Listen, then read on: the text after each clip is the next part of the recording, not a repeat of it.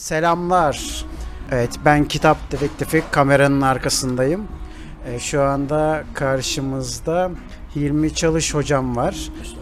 Hocam merhaba, hoş Merhaba. geldiniz. Hocalık hala alışamadım bana çok fazla böyle ge- geçenlerde de geldi biri dedi hocam ya mesaj atmış hocam filan yani hani en azından bey derseniz sevinirim dedim daha hocalık payesine eremedik hala öğrenciyiz ya. evet. Şimdi sizi tanımayanlar için şöyle ufak bir girizgah Lütfen. yapayım. Ee, Hilmi Çalış bir turist rehberi ama sadece turist rehberi değil. Ee, aslında bizimle aynı zamanda meslektaş bir içerik üreticisi. Dolayısıyla da Kulak Uleması isimli podcast'i var. Kanalı tavsiye ediyoruz. Detayları sevenler, aslında tarihin sayfalarında kaybolmak isteyenler kesinlikle Hilmi hocamı takip etmelerini öneriyorum. Şimdi bizde herkes hoca olduğu için Evet, yayına evet, çıktığı doğru. için o dolayısıyla zaten şimdi girizgah yaptığımızda da bahsederiz. Yani kulak uleması ifadesi dün yine bir görüşmedeydim. Neden kulak uleması ismini seçtiniz diye bir soru sordular bana. Aslında hepimiz ulemayız. Hepimiz kendimizce bir şeyler biliyoruz. Kulak ulemasını özellikle seçtim. Kulaktan dolma bilgilerle ukalalık yapan insan demek kulak uleması. Yani şöyle bir çevrenize baktığınızda Allah gecinden versin bir deprem olur. O depremde sağdan soldan bir takım uzmanları dinlerler. O dinlediklerini gelip sizin olduğunuz ortamda satmaya çalışırlar. Ekonomi öyle, futbol hiç bahsetmiyorum bile. Onun haricinde politikası, o su bu su filan derken inşaatından tutun da yıkımlarına kadar hepimiz şehirciliği çok iyi bilir. Çünkü hepimiz bir yerlerden bir şeyler duymuşuzdur. Ve haliyle o kulaktan dolma bilgilerle ukalalık yapmayı maalesef çok seviyoruz biz. Aslında kulak uleması biraz da böyle bir hiciv unsuru olarak seçildi başlık olarak ama tuttu, bilindi, tanındı. Ben de bundan sebep de çok keyif alıyorum işin açıkçası. iyi Ya yapmışsınız. o yüzden de çok özür dilerim böldüm. Hani e, hala daha hocam ifadesi evet yani dediğin gibi senin de Volkan hani herkes bir şekilde hoca ama kaliteyle e, yani nitelikle nicelik arasındaki ayrımı yapma konusunda bizim ciddi problemlerimiz var diye düşünüyorum ben. Hitapla ilgili isterseniz bir ortak karar alalım. Bundan sonra öyle konuşmaya Tamam. devam edelim. Ee, Ya ne ben şeyi istersiniz? seviyorum yani rehber Hilmi Bey, rehber Hilmi Bey. Ben rehber Hilmi Bey'im. Zaten hani sosyal medya hesaplarımda e, o şekilde. Yani rehber Hilmi Bey desek bence güzel olur. Hem böyle bir mesafesi var hem de benim adım. Ya çünkü bir insanın en önemli şeyi adı. Ben de elimden geldiğince herkese adıyla hitap etmeye çalışırım. Çünkü o kopyalanamaz ve taklit edilemez bir şey. Evet belki yani volkan çok fazla volkan var ama sen şu an burada olan tek volkansın. O yüzden de hani e, isimle hitap etmek bence daha güzel. O yüzden rehber Hilmi Bey hem mesleğimi hem adımı hem de aradaki mesafeyi tutuyor. yani. Tamamdır. Rehber İlmi Bey. Peki Rehber İlmi Bey o zaman size kitabınızı sormak istiyorum. Bizim de şu anda bir yönüyle fiziksel olarak en azından tanışmamızı da sağlayan bir kitap. Destek yayınlarıyla başladık bu yayına. Onlara da teşekkür ediyoruz desteklerinden dolayı. Destek yayınlarına dolayı. katkılarından dolayı mi? Destek yayınına destek. Desteği için ilginç bir kelime oyunu oluyor. Evet oluyor. Ee, Onlara katkılarından dolayı teşekkür ediyoruz. Şimdi kitabınızdan bahsedecek olursak eğer e, neler söylemek istersiniz İstanbul hakkında bilinmeyen hikayeler hakkında ya Mesela mesela çok şey var aslında. Nereden başlasak? Ya ben biraz aslında kitabın e, oluşum sürecinden de bahsetmek istiyorum. Lütfen. Şimdi Türkiye'de ön lisans, lisans ve yüksek lisans olarak turizm bölümlerinde turist rehberliği eğitim veriliyor ve gayet de iyi veriliyor. Şöyle söyleyeyim ki dünyayla boy ölçüşemeyecek denli zengin bir arka planı var bu toprakların. Yani şuradan en ufak bir yerde bir kazma kürekle vurduğumuzda en azından bakın yeni kapı kazıları daha popüler olduğu için bu örneği verebilirim. Yeni kapı kazıları e, bir metro yapılacaktı. İstanbul'un tarihini değiştirdi. Süre olarak tarihini değiştirdi. E, hal böyle olduğu zaman da bu zengin kültüre uygun eğitim veriliyor. Ama şimdi İşin pratiğiyle teorisi birbirinden tamamen farklı. Çünkü bir turist rehberi olarak öncelikleriniz başka. İşte grubun ilgisi, grubun açlığı, tokluğu, programın yoğunluğu, ziyaret edilecek olan ortamın fiziksel şartlarının uygunluğu, kalabalığı vesaire. E şimdi bir sürü kriter var. Bu kriterlerden hepsini bir araya getirdiğiniz zaman önceliklerinizi belirlemeniz gerekiyor. O zaman da şunu yapıyorsunuz. Almış olduğumuz eğitimi törpülemeniz gerekiyor. Anlatılacak çok şey var ama hangisini anlatacaksın, neyi anlatacaksın? Bir sürü şeyi anlatamamaya başlıyorsunuz ve bu maalesef zaman içerisinde rehberlik mesleğinin de körelmesine neden oluyor. Bu olumsuz bir şey değil bu arada. Meslektaşlarım da bana kızmasınlar.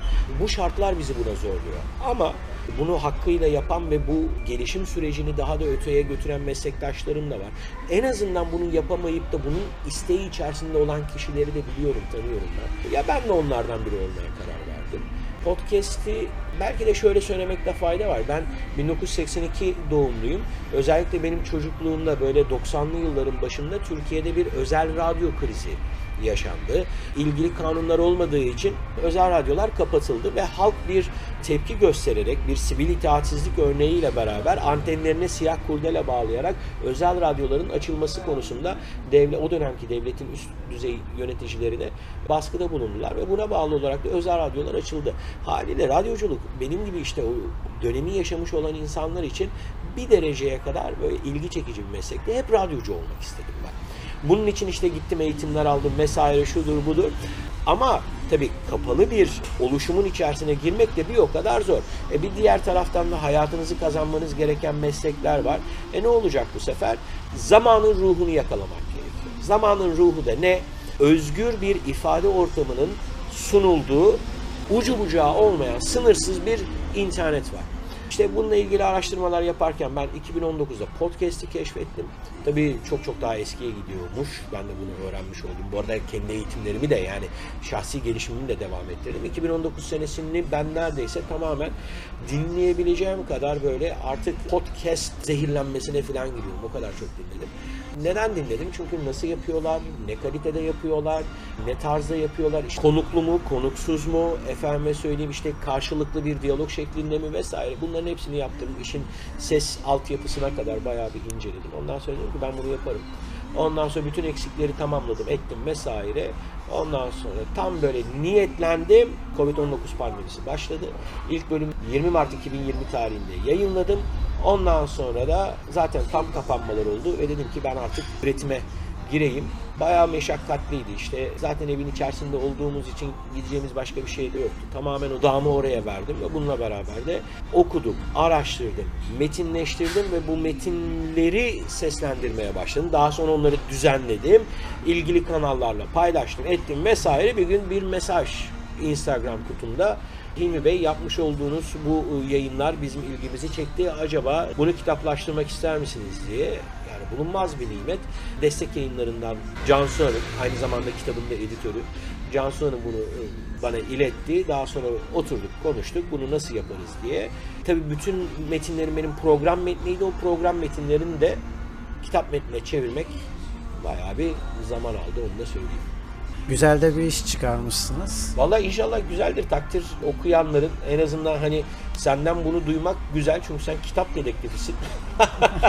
kitap dedektifisin ve haliyle elinden bir sürü kitap geçiyordur. Umarım güzel olmuştur. Buna güzel mi değil mi ben diyemem çünkü kuzguna yavrusu Şahin Ya bunu benden çok daha iyi yapanlar var. Yani bu işin belki temelini atanlardan biri Murat Belge. Murat Belge'den sonra tabii çoğu meslektaşım işte Saffet Emre Tonguç'undan tutun Sedat Bornovalı'ya kadar Haldun Hürel, 3 Hürel grubunun yanlış hatırlamıyorsam perküsyoncusu Haldun Hürel yıllardır bunu yapıyor ediyor. İstanbul nasıl gezilir? İstanbul'u geziyorum gözlerim kapalı vesaire. İstanbul Ansiklopedisi gibi farklı farklı şeylerle yaptılar. Benimki ne? Benimkinin farkı ne? Aslında benimkinin farkı bir parçada kitabın arka kapağında yazdığım yazıda saklı. Burada hani özür dileyerek kopya çekeceğim. Hani yazdığım her şeyi de ezberleyemiyorum. Müsaade varsa ben bu kısmı seslendirmek istiyorum. Lütfen. Gelenekler bir anda ortaya çıkmaz ve bir anda ortadan kaybolmazlar. Sadece zamanın ruhuna bağlı olarak kabuk değiştirirler.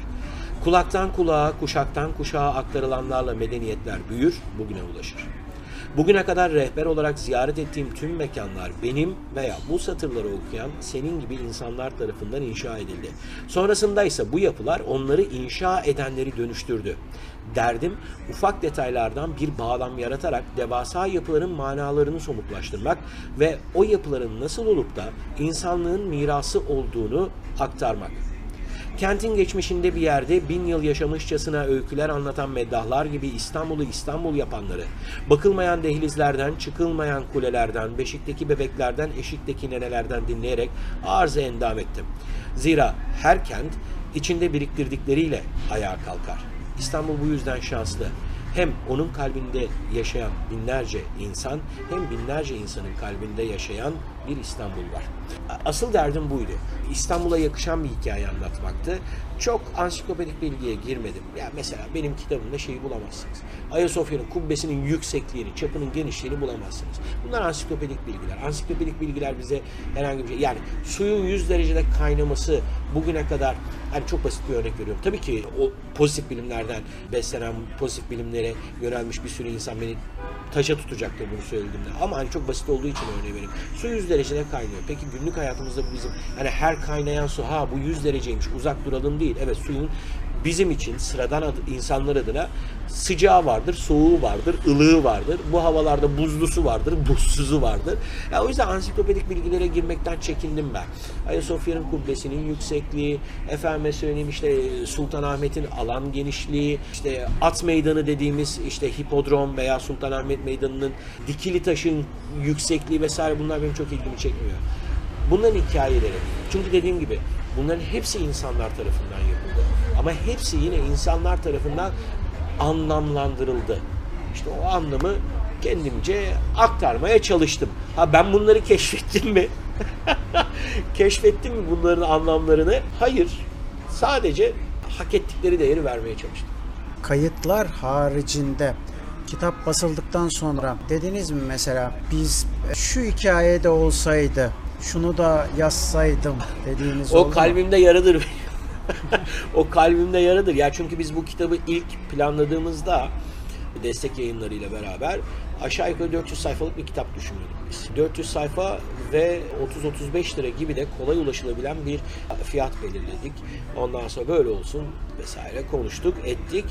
Ama hani Türkiye'nin içinde bu içinde bulunduğu durum öyle bir hızla bir takım fiyatların değişmesine neden oldu ki e, ister istemez hani kitabı biz 400 sayfa çıkartmayı düşünüyorduk. Kitap 200 sayfa çıktı. Yani ister istemez ben kitabımı çok da kaprise girmeyeceğim. Her ya yazar kaprise işte çok şey vardı ya. ya çok da öyle değil tabii ki. Yani kitabı ister istemez bir parça tıraşlamak zorunda kaldık ve gerçekten anlatamadığım çok hikaye oldu. Yani hangisi diye soracak olursanız ben hani şudur diyemeyeceğim şimdi. Çünkü çok büyük bir şeyden bahsediyoruz. Ama mesela hipodrom bölümünü anlatırken, hipodromun arka bölümünü anlatırken ben hikayeyi ta Sümer'den başlattım. Sümer'den başlattım çünkü atı evcilleştirip onu bir arabaya koyan onlar.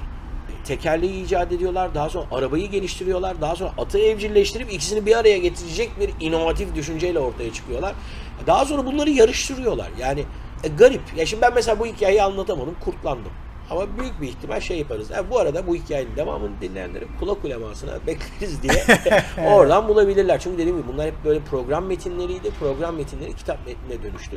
O sırada zaten bayağı bir kesildi biçildi. Evet. İkinci kitap o zaman çıkar mı diyelim?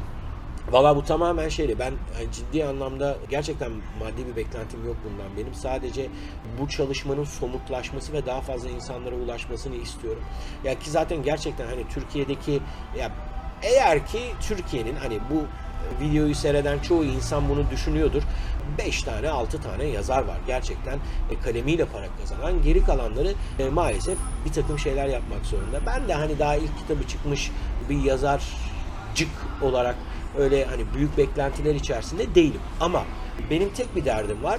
Daha fazla satılsın ki bana şöyle söylediler ne kadar satırsa ikinci kitap o kadar hızlı gelir dediler.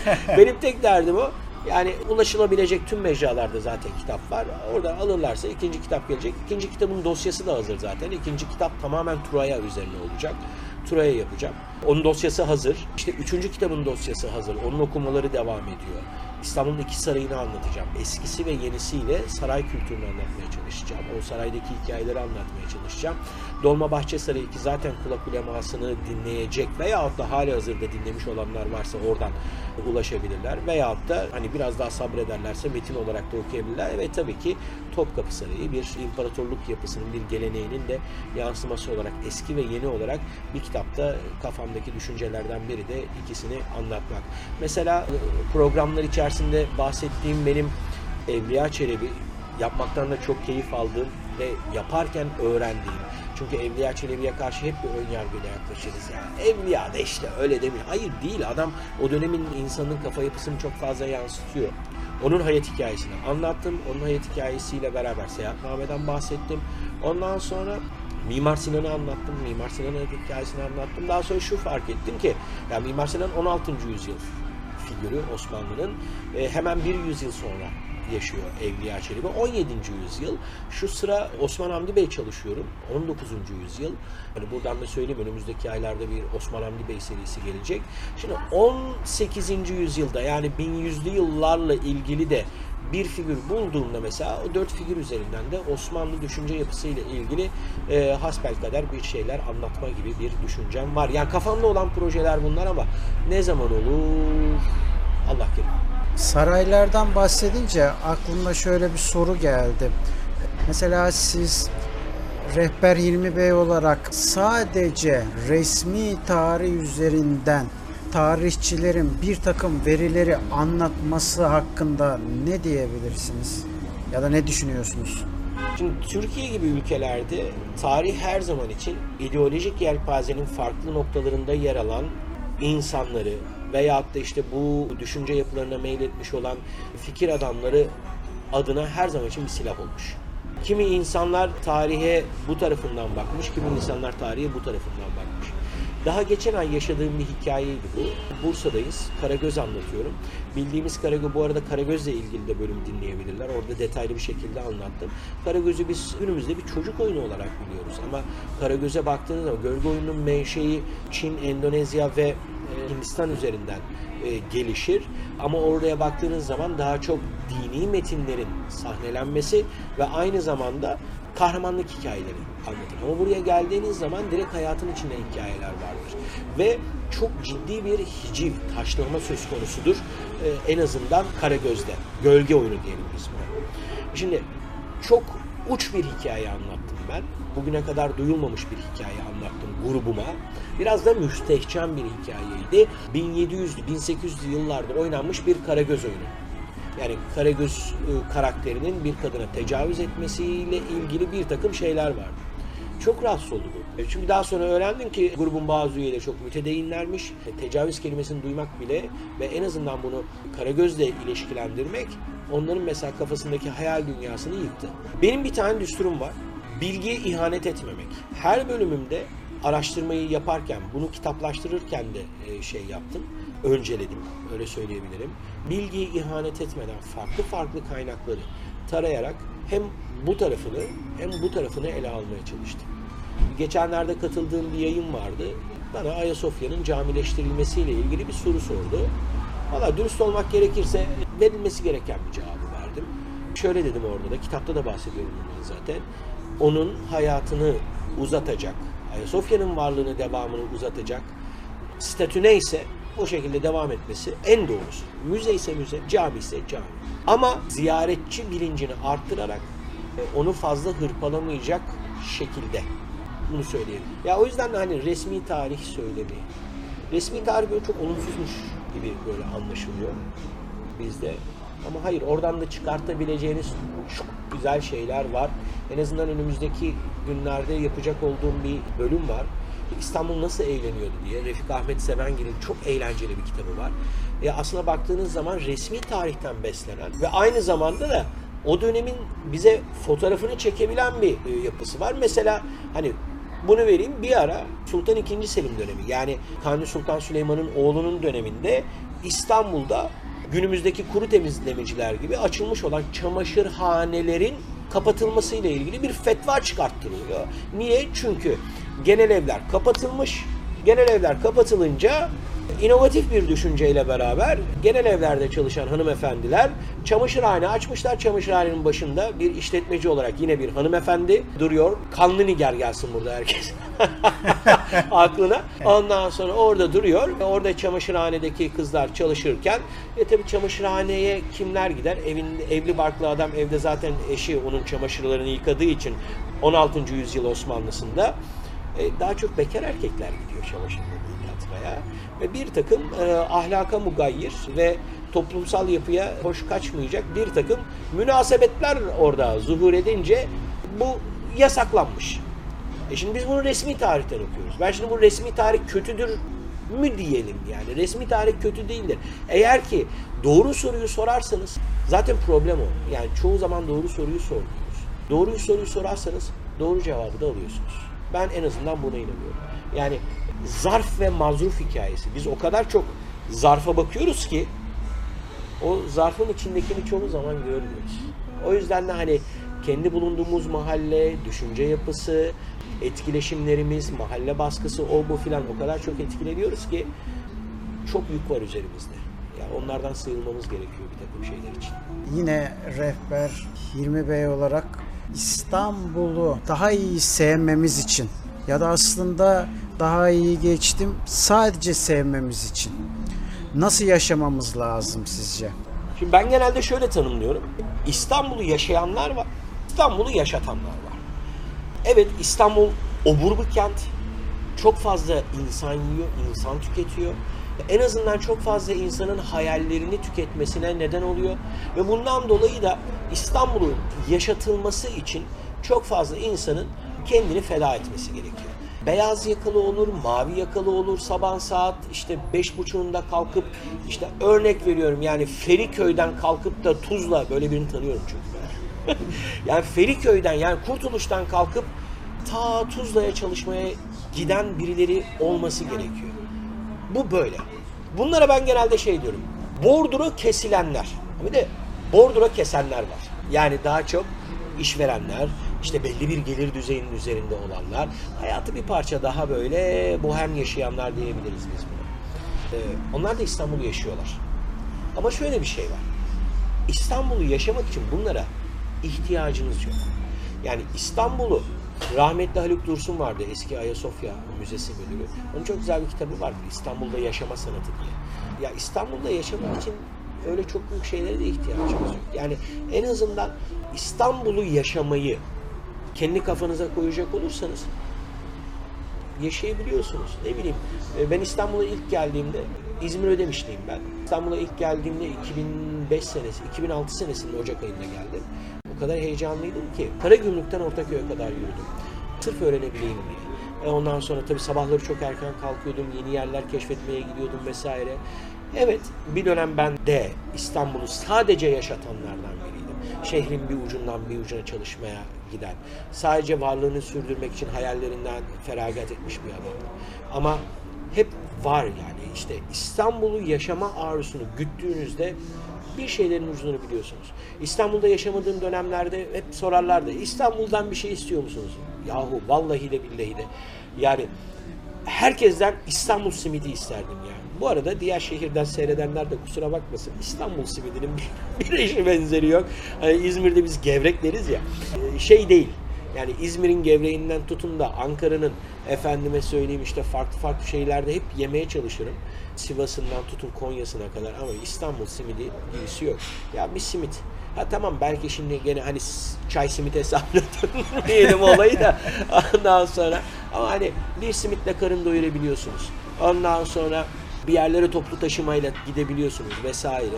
Ya bunun gibi çok fazla şey yapabiliyorsunuz. Ondan sonra. Evet belki benim kitabım şu an çok kolay ulaşılamıyor olabilir ama özellikle Derya Deniz bir internet ortamı var. Buradan uygun şeyler bulabilirsiniz. Hani belki bunu bulamıyorsunuz ama işte kitabı alamıyorsunuz ama e, kulak ulemasını dinlemek bedava. Ondan sonra hani orayı dinlediğiniz zaman oradan bir şeyler işte gittiğiniz yerle Dolmabahçe Sarayı'ndan tutun da efendime söyleyeyim işte Sultanahmet Camii'ne kadar. Bunlar bedava. E baktığınız zaman minimize ederek, askeri şartları yerine getirerek İstanbul'da gezip yaşayabiliyorsunuz. Ne bileyim işte sahil boyunca İstanbul Belediyesi'nin bisikletlerini kiralayarak gezebiliyorsunuz. Ya komik parayı geziyorsunuz. Ya bunun gibi bir sürü şey var aslında. Yani İstanbul'da yaşamak ve İstanbul'u yaşatmak kavramı. Siz hangisini yapmak istiyorsunuz? İstanbul'da yaşamak mı istiyorsunuz? İstanbul'u yaşatmak mı istiyorsunuz?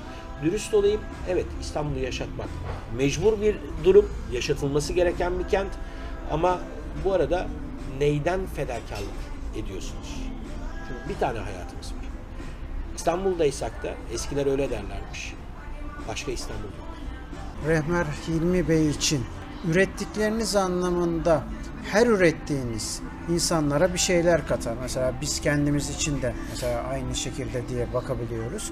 Sizde de hem kitap hem de podcast size e, neler kattı, nelerinizi değiştirdi? Çok basit söyleyeyim ben tabii yazılışını bilmiyormuşum. ya hep iyi ve şapkayla yazıyordum. Tek iyi ve şapkayla yazıyordum. O meğersem doğal anlamına geliyormuş. Hani bu, yani insan hatasını da kabul etmeli. E, meğersem çift ile yazılan elbette anlamına geliyormuş. Ben bunu öğrenmiş oldum. E, İşin şakası bir tarafa. E, şimdi sen de beni o şekilde şu an dinliyorsun.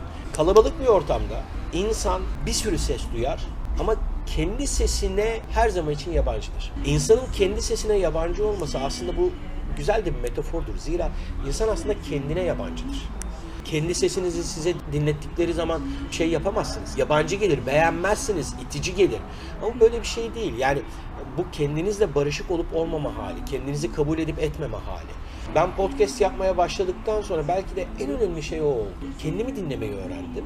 Leyla ile Mecnun'da İsmail abinin dediği gibi böyle senin ağzından çıkanla kulağının duyduğu aynı mı falan diyor ya. İşin şakası bir yana. Gerçekten hani kendini dinlemeyi öğreniyorsun. Nasıl hitap ettiğini öğreniyorsun. Eksiklerini görüyorsun. Kendine alışıyorsun. Değiştirmen gereken şeyleri görüyorsun. Ve ben bu açıdan mesela bunu söyleyebilirim. Ya ben hani kalkıp herkes podcast yapmalı demiyorum. Ama en azından kendimizi tanıyabilmek açısından kendimizi dinlememiz gerekiyor. Zaten hani bunu yapın. Ya sesinizi kaydedin, kendinizi dinleyin veya konuşurken işte çeşitli aksesuarlarla hani mikrofondan gelen sesi kulağınıza aktaran bir takım ekipmanlar var. Buradan yola çıkarak da şey yapabilirsiniz. Ya kendinizi tanımak açısından çok büyük fayda sağlıyor. Ya benim için en büyük katkısı o oldu. Ben kendimi tanıdım podcast yaparken kendime olan yabancılaşmayı ortadan kaldırdım. Kendimle barıştım. Kendi fotoğrafımı çektim. Kendi sesimi dinledim. Şu an kendimle daha barışık bir insanım diyebilirim. Yani podcast ve daha sonra kitaplaşan süreçte hem kendimi tanıdım hem tabii kelimesini yazmayı öğrendim. Peki çok teşekkür ederiz hocam. Ben teşekkür ederim. Umarım hani açıklayıcı olmuştur. Umarım hani seyredenler bir parça keyif almıştır. Çünkü en başından beri şuna e, dikkat ediyorum. Programları yaparken, kendi programlarımı yaparken ben aslında size bir şey veriyorum ama sizden de çok önemli bir şey alıyorum. O da benim programımın süresi. Geri döndürülemeyecek olan bir 30 dakikanızı ben programlarımla alıyorum. Tıpkı bu programda olduğu gibi bilmiyorum kayıt süremiz ne kadar oldu ama sizin zamanınızı aldım. Umarım değmiştir. Umarım artık ikinci kitapta, üçüncü kitapta, daha başka yerlerde görüşürüz. Kulak uleması, Apple Podcast, Google Podcast, Spotify ve bir takım diğer podcast platformlarında. Çoğu dinleyicim bana söylüyor ya Spotify üyesi olmak istemiyoruz vesaire olmuyorsunuz. Google'un tamamen ücretsiz bir podcast uygulaması var. Oradan dinleyebilirsiniz. Tamamen ücretsiz. Neredeyse istisnasız herkes şu an eee, şey kullanıyor, akıllı telefonlar kullanıyor. Google Play'den Google Podcast'i indirebilirsiniz, dinleyebilirsiniz. Hikayeler anlatıyorum, oradan onu dinleyebilirsiniz. Yine sosyal medya üzerinden hem Twitter hem Instagram üzerinden kulak ulemasını takip edebilirsiniz bana olan sorularınız veya hatta ben bunu yaptım bu arada. Bir dinleyicim bana dedi ki ya İstanbul'un semt isimleriyle ilgili dedi merakım vardı. Ya da tamam dedim onu da yapacağım dedim. Bazen böyle program talepleri de geliyor. Böyle program talepleriniz de olabilir. Ve yine işte rehber Hilmi Bey hesabından böyle isteklerinizi, şikayetlerinizi bazen o da oluyor. Yani bunu böyle demeseydiniz daha iyi olurdu falan da oluyor. Hatta dün oldu. Burada daha rahat olabilirim. Kendi programım değil ya. O mesela bir bölümde şey dedim. Söylentiler çok ya uydur uydur ipe diz dedim. Dün bir dinleyicim Hayati Bey ya Hilmi Bey siz onu öyle demişsiniz ama onun doğrusu osur osur ipediz değil miydi diye bana yazmış. dedim ki ya evet osur osur ipediz ama yani kendime otosansör uyguladım. Uydur uydur ipediz dedim. Böyle şeyler de gelebiliyor bazen bana. O yüzden de rehber Hilmi Bey kulak uleması veya kulak uleması e, hesapları üzerinden ulaşabilirsiniz. Taleplerinizi, şikayetlerinizi, linçinizi uygulayabilirsiniz. Ben beni misafir ettiğiniz için çok teşekkür ederim. Ben asıl beni misafir ettiği için Kitap Dedektifiyiz sayfasına ve Kitap Dedektifinin bizatihi kendisine şu an kameranın arkasında duran Volkan'a çok çok teşekkür ederim. Umarım başka çalışmalarda bir kez daha karşılaşırız. Kitabınızda veda edebiliriz. Tabii burada kitabımızla veda edelim. Şöyle kitaptan bir parça Tabii olur ki. mu? Tabii ki. Şöyle güzel bir hikaye seçeyim. Alelade bir inşaatın yanından geçerken bile durup buraya ne kadar demir gider diye düşünen yurdum insanı hemen şunu düşünebilir. Sultanahmet Camii'nin inşaatı için kayıtlara geçmiş olan 1811 yük, 2944 akçenin bugünkü karşılığı ne olabilir? Osmanlı'da bir yük denilen para birimi 100 bin akçe karşılığına denk geliyordu.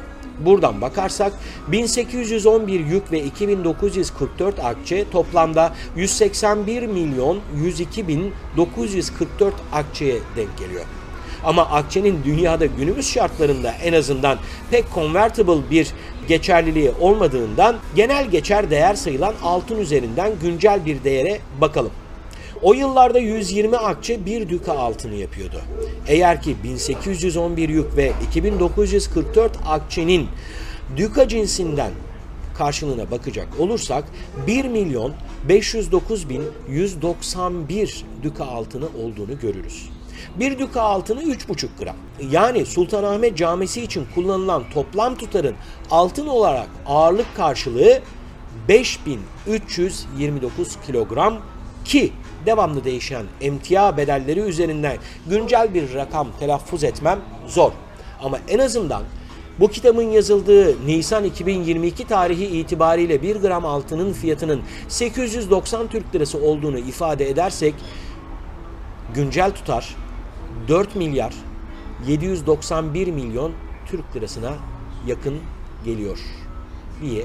Bu da sıfırlar atılmış hali bu arada. Söyleyebiliriz. Böyle ilginç ilginç böyle çıkarımlarım var. Hani öyle ama ya geçerken bile bakıyoruz ya ulan buraya ne kadar demir gitmiştir diye. Böyle değişik bir şey buldum. Bunu gecenin saat dördünde böyle kaynakları tararken filan çok iyi hatırlıyorum. Gece saat dörtte buldum bunu. Arşimet gibi evraka evraka diye bağıracaktım gecenin saat dördünde. Bulduğumda çok heyecanlanmıştım. Onu da söyleyeyim yani.